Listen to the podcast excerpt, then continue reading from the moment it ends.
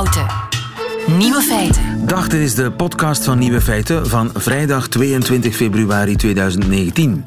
In het nieuws vandaag dat de president van Tajikistan vindt dat hij te veel complimenten krijgt. En gaf een toespraak op de televisie omdat hij ongerust is over wat hij noemde de excessieve promotie van zijn persoon in videoclips, zoals in het lied Leider van het Jaar. De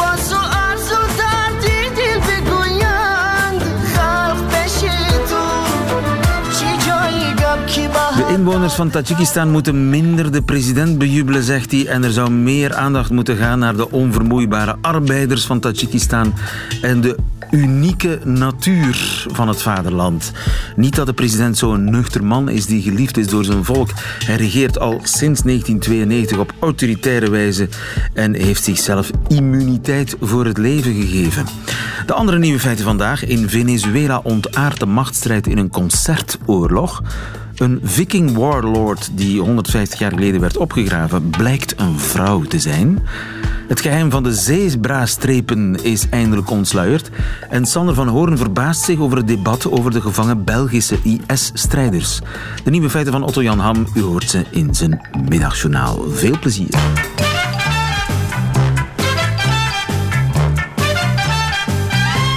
Nieuwe feiten. De machtsstrijd in Venezuela die ontaart vanavond in een ware concertoorlog. Goedemiddag, Nina Jurna. Goedemiddag. Nina, jij bent correspondent Zuid-Amerika van de NRC in uh, Nederland, de Nederlandse krant.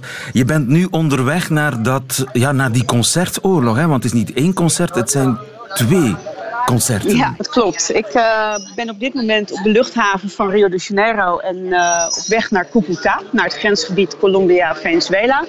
Daar kom ik aan uh, vanmiddag. Dan zijn de concerten al bezig. Um, maar die gaan tot vanavond door. Er zijn inderdaad twee concerten. Er wordt één groot concert georganiseerd aan de Colombiaanse kant van de Las Tienditas-brug. Dat is een brug die uh, Venezuela met Colombia verbindt. Dus echt midden op de grens. En dat eerste concert dat wordt georganiseerd door um, Richard Branson, uh, de, de filantroop, multimiljonair, oprichter van Virgin, die daar een, een, een line-up van uh, ja, meer dan 30 uh, artiesten, die vooral bekend zijn in de Spaanstalige wereld, heeft geprogrammeerd. En met als doel om de aandacht te vragen voor de situatie in Venezuela en ook geld binnen te halen. 100 miljoen dollar wil hij binnenhalen om daar hulpgoederen voor beschikbaar te stellen. En aan de andere kant van diezelfde brug, een paar honderd meter verder, organiseert Maduro een tegenconcert. Hands of Venezuela. Tegen uh, nou ja, de bemoeienis van de VS, van uh, interim-president Guaido. Hè, die hij beschuldigt van uh, het uitvoeren van een invasie in de vorm van deze hulpgoederen die morgen de grens over moeten gaan. Dus ja, het wordt allemaal heel spannend. Het is echt inderdaad een clash, een soort van ja, oorlog met, met muziek en hulpgoederen kun je zeggen. En uh, oorspronkelijk was de bedoeling om een soort live aid-achtig concert uh, te geven met grote namen. Veel persaandacht ook, neem ik aan. Wordt het uh, uitgezonden op televisie? Ja, het, volgens mij wordt het uitgezonden en ook via, via internet is het volgen in, in, in, in allerlei landen. Het is, zo, het is zo groot, je moet je voorstellen, Cucuta, dat grensstadje waar dit wordt georganiseerd. Dat, dat is niet zo'n groot, grote stad. Er wonen 700.000 mensen. En alle hotels zijn volgeboekt. Ik, ik kom daar aan straks, maar ik heb geen hotel bijvoorbeeld. Dus uh, ik moet ik allemaal nog gaan zoeken. Ja. Uh, alles zit vol. Er zijn uh, uit de hele regio tot aan van Mexico, van allerlei landen zijn allemaal mensen naartoe gekomen. Want je krijgt daar een line-up van voor Latijns-Amerika. wel de beste artiesten. Onder andere van Luis Guerra treedt op. Maar ook uh, Luis Fonsa, dat is hè, van Despacito uh, de grote hit. Er zijn er allemaal grote sterren uit, uit Mexico, uit, uit uh, Colombia. Dus, er komt heel ja, veel volk. Het is, het, er komt heel veel volk, het zit vol met pers. En er zijn duizenden vrijwilligers die morgen met ja, de humanitaire hulp die daar ook opgeslagen ligt de grens probeert over te gaan. Dat is uiteindelijk het doel. Hè? Dit concert wordt ook georganiseerd ter ondersteuning van deze mensen. Zo van, nou, alle ogen van de wereld zijn gericht op Cucuta, op wat daar gaat gebeuren dit weekend. Dus um, ja, wat de militairen gaan doen, dat wordt natuurlijk de grote vraag. Maar hoe dan ook, um, zijn, staan zij ook in de spotlight. Dus stel dat mensen worden tegengehouden, dat het een chaos wordt, dat het een, ja, een, een misschien wel een, een, een, gewelddadige escalatie wordt, dat weten we niet. Maar alle ogen zijn in ieder geval gericht op die grens, op uh, Maduro en, en de militairen en op de hulpverleners. Maar is het de bedoeling dat vrijwilligers hulpgoederen die klaarstaan aan de Colombiaanse kant van de brug, om die hulpgoederen over de brug heen te krijgen met een heleboel mensen? Dat is wat de bedoeling is. Kijk, er is de brug waar uh, er zijn verschillende grensovergangen in, in deze stad. Ik ben er vorige week nog geweest, dus ik ken de situatie redelijk goed. De grensovergang waar je met vrachtwagens en auto's overheen kan, die is al sinds een paar weken geblokkeerd door Maduro. Dus dat lijkt mij heel erg om, ja, onmogelijk dat dat met uh, zeg maar vrachtwagens uh, gaat lukken om die, om die hulp de grens over te krijgen. Daarbij is die grensovergang is ook de Las Chanditasbrug waar de uh, concerten worden gehouden. Dus um, ik verwacht, hoewel dit scenario nog heel onduidelijk is, dat de vrijwilligers die opgetrommeld zijn en die zich hebben ingeschreven, en dat zijn echt duizenden die daar gehoor aan hebben gegeven, dat die dus via de andere grensovergangen gaan proberen om met de hulp in pakketten of wat dan ook de, de, de grens over te gaan. Dat is wat er verwacht wordt. En mensen zijn dus ook opgeroepen om dat te doen.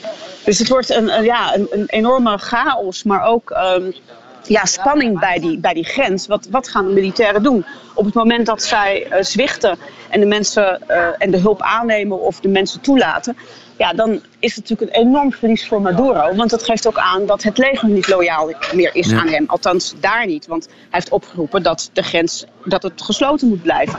Hij heeft ook alle grenzen gesloten. Hè. De grens met Brazilië, waar ik zelf woon, is uh, gisteren gesloten. De grens met uh, Curaçao is al eerder deze week gesloten. Want dat is ook een van de plekken die als hub gaat fungeren om die goederen naar Venezuela te krijgen. En uh, nou ja, hij, gaat, hij is nu ook bezig om die grens in Cucuta te blokkeren. Maar ja, als daar straks duizenden mensen staan. En niet alleen de vrijwilligers, er komt ook een delegatie van presidenten. De president van Chili is onderweg naar uh, dat gebied. De Colombiaanse president Duque komt vandaag uh, naar dat gebied. Dus er komen ook uh, tal van presidenten die Guaido ondersteunen, gaan naar die grens toe. Dus je krijgt een enorme ja, ja, spanning. Absolute ja, spanning. En zal er iemand nog iets horen? Want die twee concerten die zijn op 300 meter van elkaar, die twee podia. Ja, ik denk dat dat sowieso één chaos wordt. Eh, sowieso in hè, muzikaal gezien, maar ook, nou ja, het, het, eh, lijkt mij heel eh, onmogelijk om zoiets te organiseren. En het is natuurlijk ook allemaal maar een, echt als statement bedoeld. Ik, hè, het zijn allemaal politieke middelen die nu worden ingezet, ook de humanitaire hulp. Hè, want internationale organisaties zoals de Verenigde Naties, maar ook het Internationale Rode Kruis, die zijn hier niet bij betrokken. En dat willen ze ook niet, want zij zeggen van humanitaire hulp moet uh, onpartijdig zijn. Dat, Ja. dat moet niet politiek zijn. Juist. En dat wordt nu natuurlijk wel ingezet. Hè. Door Guaido is dit duidelijk uh, ingezet als pressiemiddel om het leger um, ja. over de streep te krijgen, aan zijn kant te krijgen. Het is uh, Richard Branson die hier een enorm risico neemt. En we wachten in spanning af wat er gaat gebeuren vandaag aan de grens tussen Ja. Venezuela en Colombia. Waar een soort van concertoorlog zal plaatsvinden. Wees toch maar voorzichtig. Nina Jurna, dankjewel. Goedemiddag. Goedemiddag. Nieuwe feiten.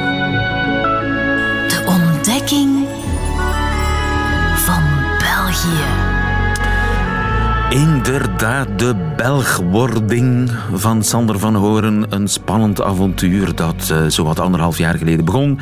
Toen de Nederlandse journalist na tien jaar in Beirut arriveerde in Brussel als correspondent voor de NOS. Goedemiddag, Sander. Hallo. Wat heb jij deze week over ons land bijgeleerd? Oh, nou ja, heel concreet. Gisteren bij de Klimaatmars, waar ik uh, met heel veel journalisten uh, bij was, dat de politie hier behoorlijk agressief uh, was met het terugduwen van journalisten. Ik bedoel dat we afstand moesten houden tot Anuna en Greta Thunberg, die er ook bij was. Dat snap ik. Die worden helemaal vermorseld tussen nou ja, de fans en de journalisten. Maar de manier waarop dat gebeurde, kom aan zegt. Je kunt mensen, journalisten terugduwen met een glimlach. Je kunt het doen met een agressieve blik in je ogen. En dat laatste gebeurde. Maar goed, dat geheel terzijde. Want uh, meer in het algemeen deze week heb ik me zitten verbazen over de hypocrisie uh, die je natuurlijk weet dat er uh, soms is in de politiek. Sommige mensen noemen het realisme. Maar dan toch deze week rond de terugkeer van IS-strijders. Wat Aha. daarmee te doen. Maar dat is ook een, een probleem in Nederland natuurlijk, hè?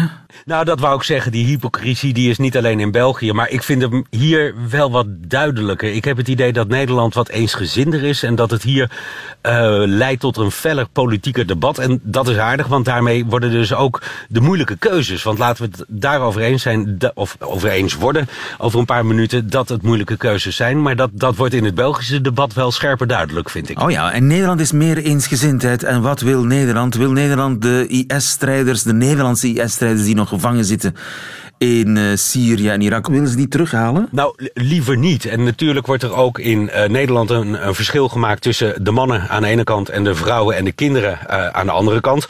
En dan met name natuurlijk de kinderen, die kunnen er, is de gedachte, toch ook niks aan doen. Um, maar actief terughalen, zelfs van die groep, daar kan geen sprake van zijn. Bleek ook nog weer deze week in een Kamerdebat.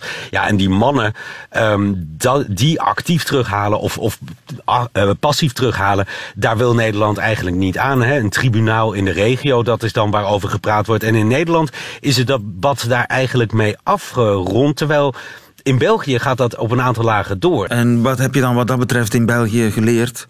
Nou ja, dat er twee uh, keuzes zijn in feite. Hè? Kijk, het liefste hadden we gehad met z'n allen. En bij ons premier Rutte, die heeft dat gewoon heel openlijk gezegd. Uh, het liefste heb ik dat ze daar sneuvelen, dat ze daar gedood worden. Nou, dat is, en dat moet je ook vaststellen, in heel veel gevallen, en zeker dan toch bij de mannen, is dat ook gebeurd. Ik bedoel, van de hoeveelheid mensen die naar Syrië vertrokken zijn.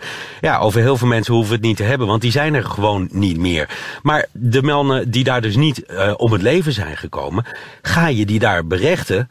En wat doe je dan als een land daar de doodstraf over uitspreekt? Nou, dan wordt er meteen in Nederland, maar ook in België, wordt daar uh, op de rem gestaan van nee, dat kan niet. En dat vind ik een, een vorm van een hypocrisie. Van oké, op het moment dat mensen daar naartoe gaan, je vindt dat zo erg en ze sterven op het slagveld. Uh, uh, misschien zelfs wel door een van de bommen van onder een Nederlandse of een Belgische F-16. Dan is het goed. Maar op het moment dat daar een vorm van rechtspraak heeft plaatsgevonden en een land dat spreekt de doodstraf uit, dan is het niet goed. En je, hebt de realisten, die dan toch vooral bij de NVA zitten, die zeggen ja, oké, als dat de consequentie is, dan is dat de consequentie. En je hebt mensen die willen dan, ja, ik vond het wel lachwekkend, onderhandelen met uh, Irak bijvoorbeeld om uh, te kijken of ze dan die doodstraf eventjes in de ijskast uh, kunnen zetten. Dus je wil ze niet hebben, je wil ze niet hier berechten, je wil ze niet in België hebben. Je had eigenlijk liever gehad dat ze ter plekke waren doodgegaan je wil ze daar berechten, maar op het moment dat de uitkomst daarvan dan is de doodstraf. Ja, nee, dat gaat dan een stapje te ver. Die inconsequentie, ik vind hem heerlijk. Jij zou ze dan gewoon op zijn Frans bij wijze van spreken. Frankrijk wil ze terughalen, hè?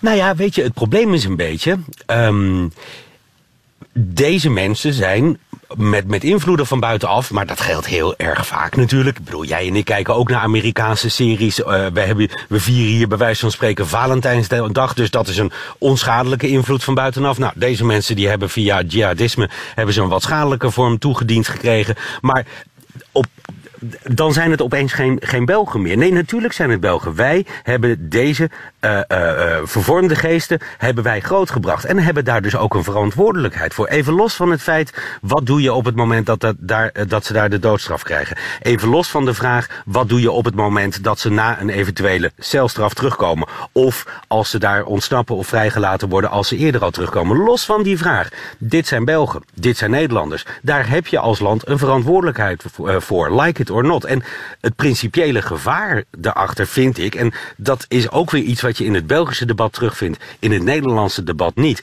wat um, uh, uh, doe je met, met het staatsburgerschap uh, van mensen? Want je kunt dus zeggen van oké, deze straf, of deze, dit vergrijp, hè, deelname aan IS, daar naartoe gaan, dat vind ik zo erg. daar gelden andere regels voor. Hè? Die mensen die kunnen daar berecht worden of die moeten hun staatsburgerschap ontnomen worden wat is dan de volgende stap? Waarom geldt dat niet voor uh, cocaïnesmokkelaars in het buitenland? Waarom geldt dat niet voor mensen die uh, een gewone moord plegen in het buitenland? Of die in het buitenland zich vergrijpen aan een minderjarig meisje? Of voor, hè, bedoel, dat is een glijdende schaal. En Ik vind dat je daar principieel in moet zijn. Dus dit is iets, een vergrijp waar we het allemaal over eens zijn dat dat heel abject is. Maar ja, het zijn Belgen, het zijn Nederlanders. En wij zijn België en Nederland. En daar hebben we dus een verantwoordelijkheid. Ja, eh, je hebt eh, weer iets bijgeleerd over ons land. Ik ga je nog iets bijleren, wellicht. Want wie is dit? We zijn allemaal aan het werk, hè, Marcus? En een beetje serieus, hè?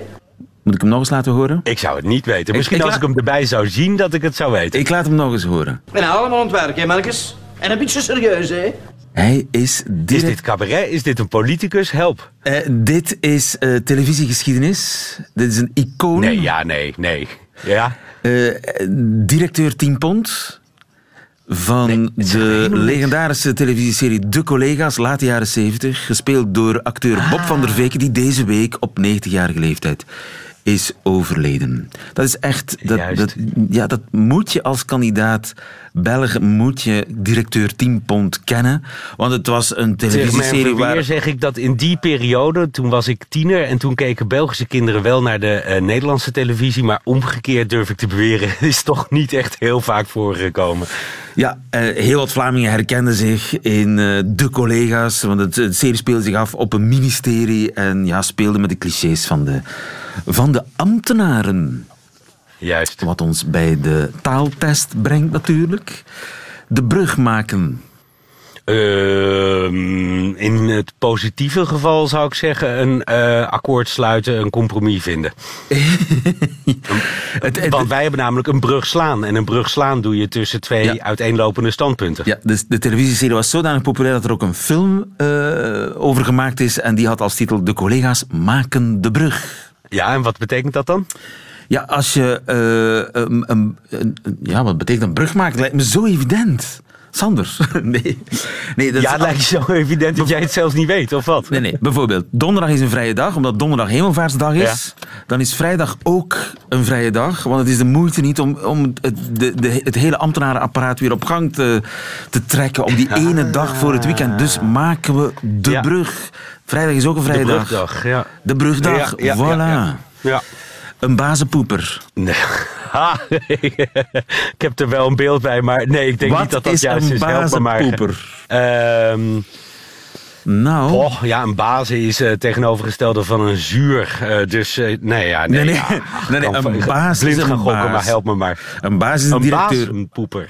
Een baas, een baas is een directeur, hè? De baas. Hij is de baas. Oké, dus een bazenpoeper met een N ertussen. Oké. Bazenpoeper. Ehm, ja, dat, eh, nou ja dan, dan, dan denk ik iemand die bij de baas in het gevlei probeert te komen. Een slijmbal. Ja, ja dat zou kunnen.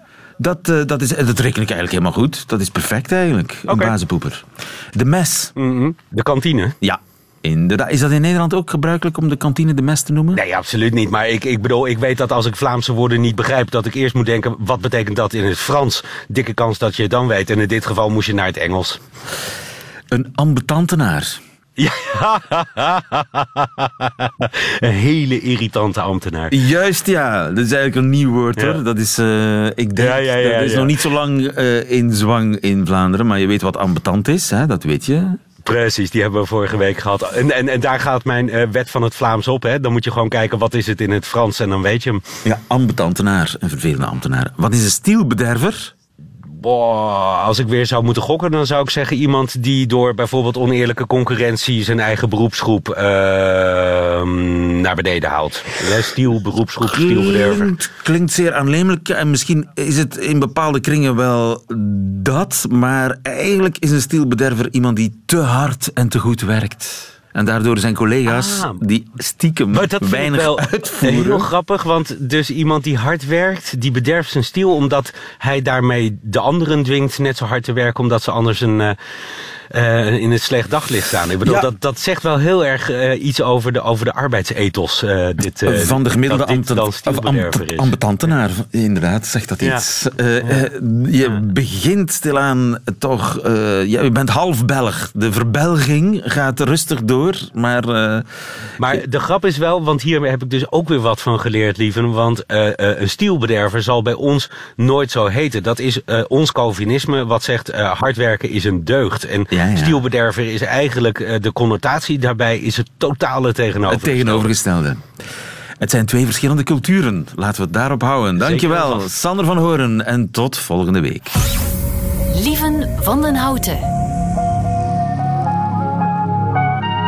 Radio 1.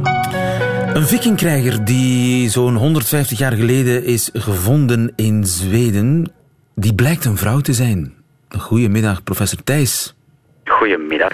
Dries Thijs, eh, Europese middeleeuwse archeologie-specialist aan de VUB. Eh, het was in Birka, hè, geloof ik, die oude Ja. vikingstad vlakbij Stockholm. In 1878 is een graf gevonden van een viking, een militair graf. Dat was echt een hoge militair die daar gevonden is. Ja, het, is, eh, het was een kamergraf, dus, eh, dus dat is al heel bijzonder dat je dat in de, in de grond aanlegt. En daar waren dan allerlei wapens gevonden, plus ook paarden. Paarden? Die, eh, ja, paarden die mee het graf ingingen. Dat, is, eh, dat weten dat zowel vikingen als uh, merovingers hier, die, die deden dat om als offergift het paard mee het graf in te laten gaan. Maar dat was wel voor heel belangrijke personen. Dus dat was niet voor eh, de gemiddelde warrior. Dat was voor iemand met een, eh, een chief eh, status, zullen Ja. we maar zeggen, een chef. Ja. Een, een, een soort generaal of officier, zullen we het maar een noemen. koning. Een Ja. koning. Eh, paardenresten zijn gevonden in dat graf en ook wapens zijn gevonden in dat graf. Ja, ja, vrij veel wapens, bijlen en speren en zwaarden. Dus eh, alles gaf zo het signaal van hier is eh, echt een, een warlord, eh, een krijgsheer begraven, iemand die van belang was. En het was ook aan de poort van het kasteel, de burcht van Birka. Dus men had direct het idee van dit is echt een militaire, militaire chef. Ja. Blijkt nu een vrouw te zijn, zeg. Ja, effectief. Ehm, wat we natuurlijk in de 19e eeuw niet konden of niet deden, en wij archeologen nu wel, is kijken naar ehm, DNA, naar het skelet ook enzovoort. En dus wij zeiden van ja, het kijkt spijtig, maar het is wel een vrouw. Spijtig. Ik weet niet of het ja, spijtig nee, is. spijtig. Nee, het is, het is Verrassend, ja. in ieder Verrassend, geval. ja. Want Mhm. wanneer heeft zij geleefd? Een, een, een duizend jaar geleden ongeveer. Ja, een dikke duizend jaar geleden. Tiende eeuw, ik bedoel, dan zitten we echt nog wel knal in de vikingperiode in, de, in Zweden. Ja. Ja. Maar dat brengt ons wel voor een raadsel. Want ja, eh, konden vrouwen zo hoog in de militaire hiërarchie opklimmen? Duizend jaar geleden? Mm, wel, ja, dus is het antwoord is eigenlijk gewoon ja. Eh, Kan maar anders, was- ja. Ja, eff- effectief. Eh, maar het was natuurlijk wel eh, een shock voor heel wat wetenschappers, omdat men eh, bleef vasthangen aan die oude categorieën. De man veegt, de vrouw zorgt voor het weven en de textiel en de kinderen en het koken.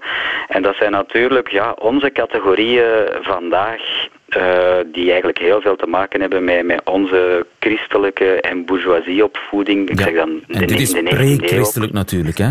De vikings Ja, ja. waren niet christelijk. Ja, effectief, ze waren niet christelijk. En dat betekent dat we eigenlijk onze eigen waardeschalen moeten uitschakelen. En moeten durven zeggen van, ja, maar ja, eigenlijk kunnen we, we kunnen er ons niet over uitspreken eh, of dat het mogelijk was of niet, omdat men gewoon een andere samenleving had zonder die christelijke waarden. En eh, zijn er nog aanwijzingen dat bij de vikings mannen en vrouwen mm, gelijker waren dan in de christelijke cultuur? Wel, er zijn zeker en vast aanwijzingen. ehm, uit de mythologie weten we ook de walkuren, maar dat was altijd maar een motief dat je eigenlijk, ja, Wagener bracht dat dan naar voren, dus we moesten daar ook De wel om. strijdgodinnen, hè? Te paard met harnas en al. Ja, en dan dacht je van, ja, zijn het, alleen in, bij Wagner waren het dan alleen zij als goddelijke figuren, maar ehm, er zijn toch ook wel vage aanwijzingen waardoor je kan afleiden dat er eigenlijk niet toe deed of dat die strijder nu man of vrouw was. Dat, dus, dus die zijn er.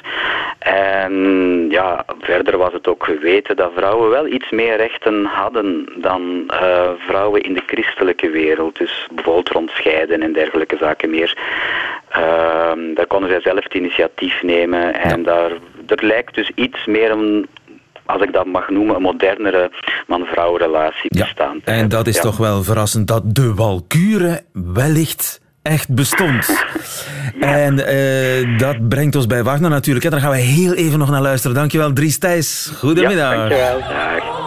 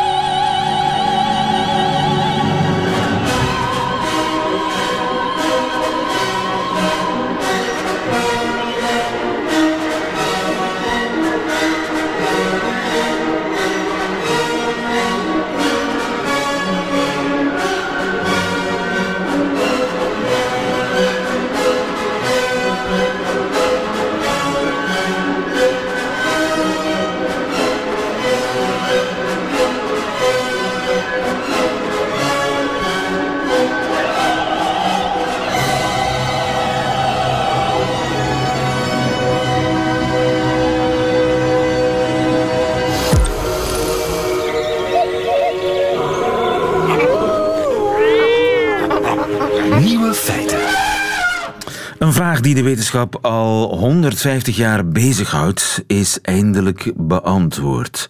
Waarom hebben zebra's strepen? Dirk Drouwlands, goedemiddag. Goedemiddag. Onze huisbioloog en journalist bij KNAK. Tja, de wildste theorieën hè, die zijn in de loop der jaren verkocht over de strepen van de zebra. Ja, het is waar. Ze hebben van alles bedacht. Hebben bedacht dat het een manier was om elkaar te herkennen, hè, waarbij dat die strepen als een soort barcode functioneren, zodat dieren elkaar eh, onmiddellijk weten wie dat wie is, maar dat schijnt dan niet te kloppen. En, eh, en anders, als dat zo nuttig zou zijn, zouden andere paardachtigen dat ook wel ontwikkeld hebben. Men heeft ge- gedacht dat het misschien een bescherming was tegen roofdieren, hè, dat eh, leeuwen eh, zebra's minder gemakkelijk zouden zien staan. Eh, wat dan niet klopt, want zebra's worden verhoudingsgewijs veel meer dan hun aanwezigheid gepakt door leeuwen. Er is ook gedacht van dat die, als die in die groep moeten vluchten, dat door die strepen die leeuwen geen individueel dier kunnen herkennen. Dat klopt ook al niet. Dan is er gedacht van dat is voor koeling. Hè, dus die witte en die zwarte strepen die genereren door het verschil in temperatuurimpact eh, zo'n soort airconditioning bovenop die zebra. Dat hebben ze dan willen testen door, eh, ze hebben van olievaten zo geschilderd, sommige bruin, sommige wit, eh, andere als een zebra. En dat zat dan, daar zat dan water in en er geen enkele verschil in temperatuur in dat water. Het Ja. viel allemaal tegen. En finaal hebben ze, hebben ze een jaar of tien bezig geweest met een eh, idee dat ondertussen dus blijkbaar steviger en steviger wordt. Namelijk dat dat een bescherming is tegen stekende vliegen. Aha. Want er is zo'n Amerikaanse onderzoeker, Tim Caro, die heeft eh, bijna alle theorieën onderzocht. Blijkt dus dat die bijna allemaal kwats zijn. En dus is er één theorie die toch min of meer overeind blijft.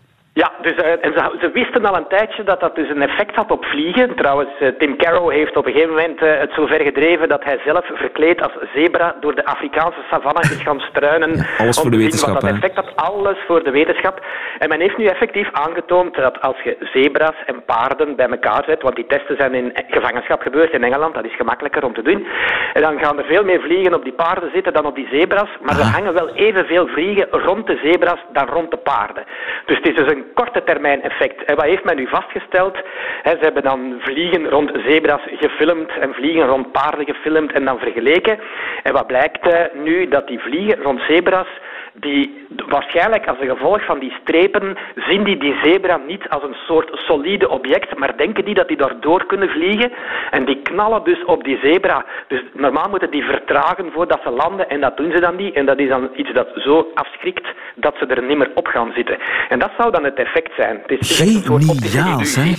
Maar, dan, Ja. maar eh, bij de paarden werkt dat niet. En hoe, eh, hoe weet je nu zeker dat dat misschien niet aan de geur van die paarden ligt?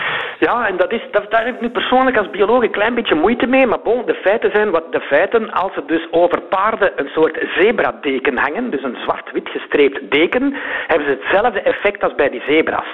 Dus die, die vliegen blijven er wel rondhangen, maar ze gaan er veel minder eh, op zitten. Dus trouwens, eh, gisteren ontdekt tijdens eh, het voorbereiden van dit, dat er op de markt al zebrapakjes zijn voor paarden. Dus paardenliefhebbers zijn er blijkbaar ook al achter gekomen. En dus men verkoopt nu zebrapakjes eh, die dat je bij je paard in de wei, op, over, de, over je paard in de wei kunt gaan hangen, waardoor dat die beesten minder door dazerikken en zo gaan gestoken worden. Dat schijnt dus effectief te werken. Allee, joh, je, Dus je kunt je paard verkleden als zebra. Ja, ja, ja. Met, met, met, ik vind het ook Om insecten af te schrikken. Ja, ja, ja. Dus, en als het hetzelfde effect is als de zebra, is dat effectief een, streep, een streepjeseffect. Maar ik denk dat zo'n zo'n zo'n deken over een paard, misschien heeft dat zodanig ook wel een effect. Wie zal het zeggen? Maar in ieder geval, een van de mooie conclusies is ook dat de zebra in aanleg een zwart of donkerbruin dier is dat achteraf witte strepen heeft bijgekregen, omdat die eh, de vliegen, eh, en zeker de vliegen die eh, het CC-vliegen, die slaapziekte veroorzaken en zo, op afstand te kunnen houden, wat dat dus een geweldig overlevingsmechanisme is voor die dieren. Ja, maar ik hoor je toch een klein beetje reserve hebben. Wat is het probleem eigenlijk? Ja, omdat ik niet goed weet, dat er, misschien, eh, misschien zit er iets in die dekens dat die vliegen ook afschrikt. Af, eh, schrikt, hè. Dus Ja, dat het ja. meer het deken is dan wel de witte streep. Maar bon, goed, als je het geheel bekijkt van wat dat ze gedaan hebben, denk ik dat het wel een heel solide conclusie is. En het effect op die zebra's is, is, is heel duidelijk. Trouwens, lieve, ehm, er is onlangs ook nog een studie verschenen, waar ik nu toevallig deze week in Knak ook over geschreven heb, waar dat, eh, uit blijkt dat mensen, dus mensen vroeger, die nog zelfs nog voordat ze kleren hadden, mensen die zich met witte verf beschilderen, hebben hetzelfde effect als die uh, zebra's. Namelijk veel minder stekende vliegen die erop komen. En ze hebben dat in Hongarije gedaan met modellen, hè, die zwarte modellen met witte lijnen erop, beige modellen met witte lijnen erop. En daar hadden ze dan lijm op gedaan, waar die vliegen dan in bleven plakken. Dus dan konden ze het verschil testen. En wat blijkt? Een, uh, een, een zwart lichaam met witte lijnen opgeschilderd heeft tien keer minder vliegen dan een gewoon zwart lichaam. Dus, dus, uh, dus blijkbaar is men daar vroeger ook al achter gekomen in de mensenwereld van oei, hier is iets dat werkt en, uh, en dat dat een van de redenen zou zijn waarom dat uh, veel prehistorische stammen en primitieve stammen, zoals wij dat dan graag noemen, met die witte lichaamsschilderingen zouden werken. En dus dat is een dat, mooie analogie. Ja, werkt dat ook tegen muggen, Dirk?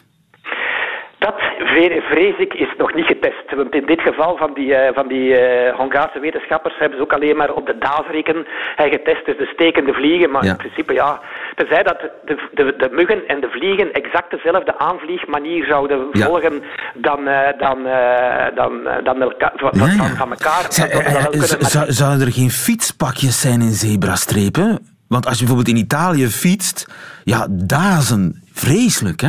Vreselijk. En die volgen je. Dat je, dus over, dat je dus eigenlijk je fietspad over honderden kilometers omtunt tot een, tot een zebrapad. Ja, wie weet, wie weet. eh, de- de- en als je dan zelf nog in een zebrapakje op je fiets kruipt, eh, dan, eh, dan gaat de safe zitten, lieven. Dat moeten we dringend eens testen. Ik hou je op de hoogte. Dankjewel, Dirk Drouwlands. Goedemiddag. Goedemiddag, lieven. Bedankt. Nieuwe feiten. Middagjournaal. Beste luisteraar, mijn bijdrage aan dit programma zal u vandaag misschien een beetje tegenvallen. Ik heb dan ook niet zo best geslapen. Dat had vooral te maken met nachtlawaai. Je verwacht het niet, maar donderdagnacht is er altijd wel wat in Halle. Vorige week donderdag bijvoorbeeld vierden de laatste jaarscholieren in Halle hun laatste 100 dagen. Over 100 dagen zijn die arme drommels eindelijk verlost van de mooiste tijd van hun leven. En daar moest veel op gedronken worden. Om vier uur s'nachts werd mijn nachtrust verstoord doordat een kudde van die jongeren door mijn straat trok.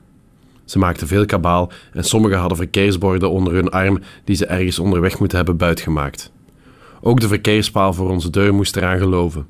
Onder luide aanmoedigingen van hun klasgenoten sleurden twee jongens net zo lang tot de paal uit de grond kon worden geplukt. Dat ging al bij al verbazend snel, zag ik vanuit ons slaapkamerraam. Hé, hey, hou daar eens mee op, riep ik. Maar daarmee maakte ik eigenlijk enkel indruk op mezelf. En niet eens zoveel. Mijn vriendin siste vanuit bed dat ik me niet zo moest aanstellen en dat die paal toch al een tijdje scheef stond. En dat ik op die leeftijd vast dezelfde baldadigheid had uitgespookt. Ik zei dat het bij mij anders was.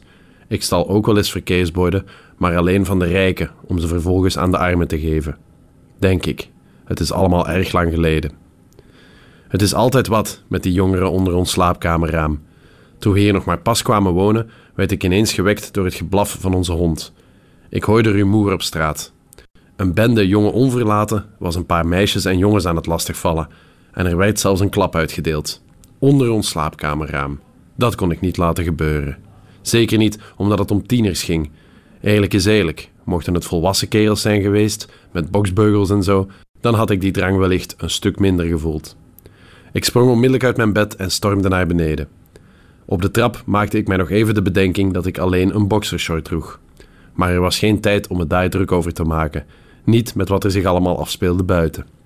Bovendien was het nog veel te vroeg voor een ochtenderectie. Dat was een meevaller.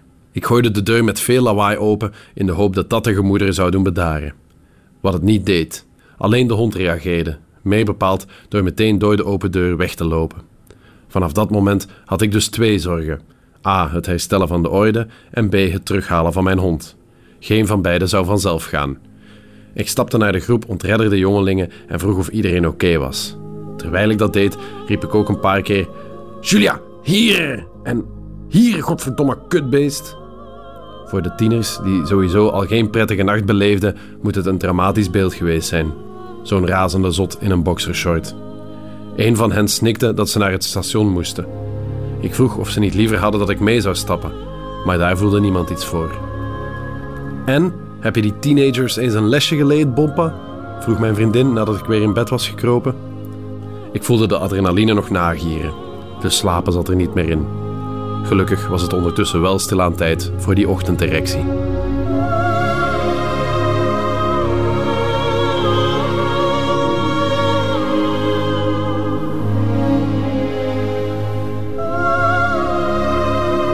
Otto Jan Ham in het middagjournaal van Nieuwe Feiten. Einde van deze podcast, maar u vindt er nog veel meer op onze site op radio1.be en op alle mogelijke podcastkanalen. Tot volgende keer.